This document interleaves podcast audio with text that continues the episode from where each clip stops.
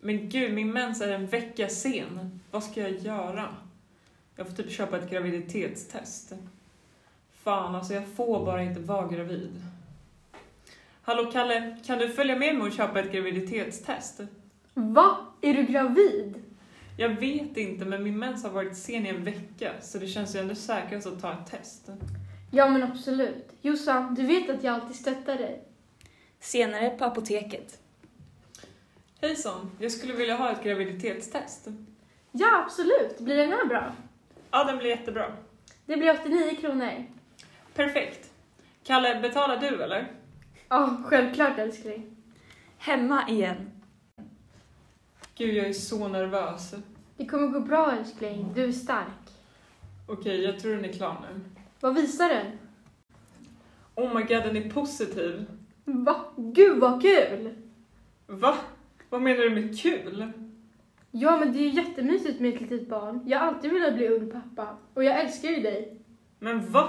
Du vet att mina föräldrar kommer döda mig. Men skit i vad de tycker. Det är ju vårt barn, inte deras. Du tänker väl inte på att göra abort? Du vet ju att vi inom kristendomen ser abort som ett mord. Men enligt Koranen får man ju inte ens ligga innan giftermål. Det vet du ju. De kommer ju döda oss båda.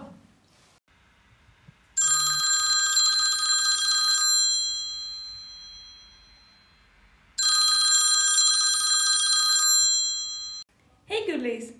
Hallå, sjukaste har hänt. Vadå? Vad har hänt? Jag är gravid och Kalle vill behålla det. Men gud! Hur känns det? Alltså jag vet inte. Du vet ju att mina föräldrar är väldigt trofasta muslimer. De kommer ju inte vara okej med det här.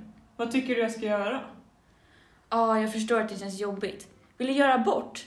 För alltså, inom judendomen brukar vi tänka så att ett foster inte räknas som en människa innan födseln. Så du behöver inte se, se på det som ett mord i, i så fall. Nej, det vet ju jag själv. Men du vet ju att Kalle är kristen och han ser på det som att det är ett mord. Så jag vet inte vad jag ska göra. Vad är egentligen rätt?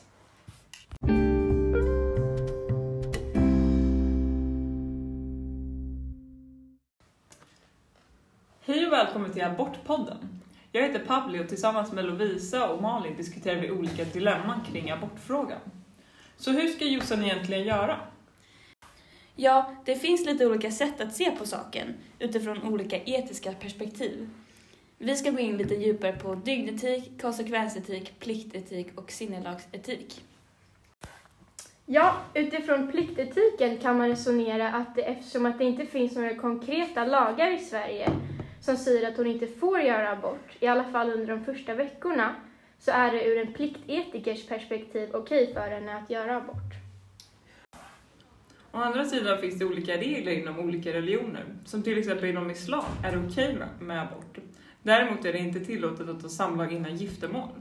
Tittar man däremot på kristendomen så ser man abort som ett mord, och i och med att fostret ses som en riktig människa, till skillnad från islam och judendomen. Ja, exakt. Så det ser alltså lite annorlunda ut beroende på vilken religiös bakgrund man har.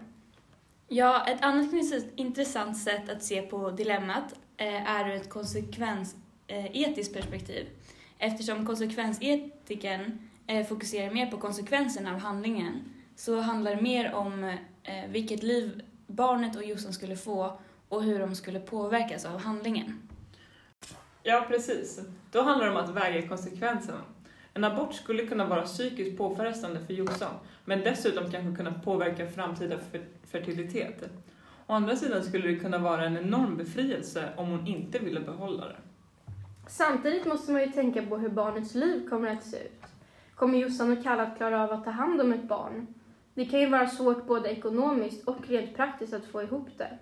Skulle det kanske då vara bättre för alla parter att göra en abort? Däremot kan man diskutera hur man, hur man är en god människa i abortfrågan, vilket leder oss in till dygdetiken och sinnelagsetiken. Dygdetiken fokuserar mycket på hur man ska vara en så god människa som möjligt genom ens dygder. Då är frågan, vad, är en god, vad hade en god människa gjort? Hade hon fött barnet för att alla förtjänar ett liv eller hade hon gjort abort för att bespara barnet från ett tufft liv? Ja, det handlar exempelvis om att inte vara egoistisk Eh, och alltid försöka ha en god tanke bakom sina handlingar.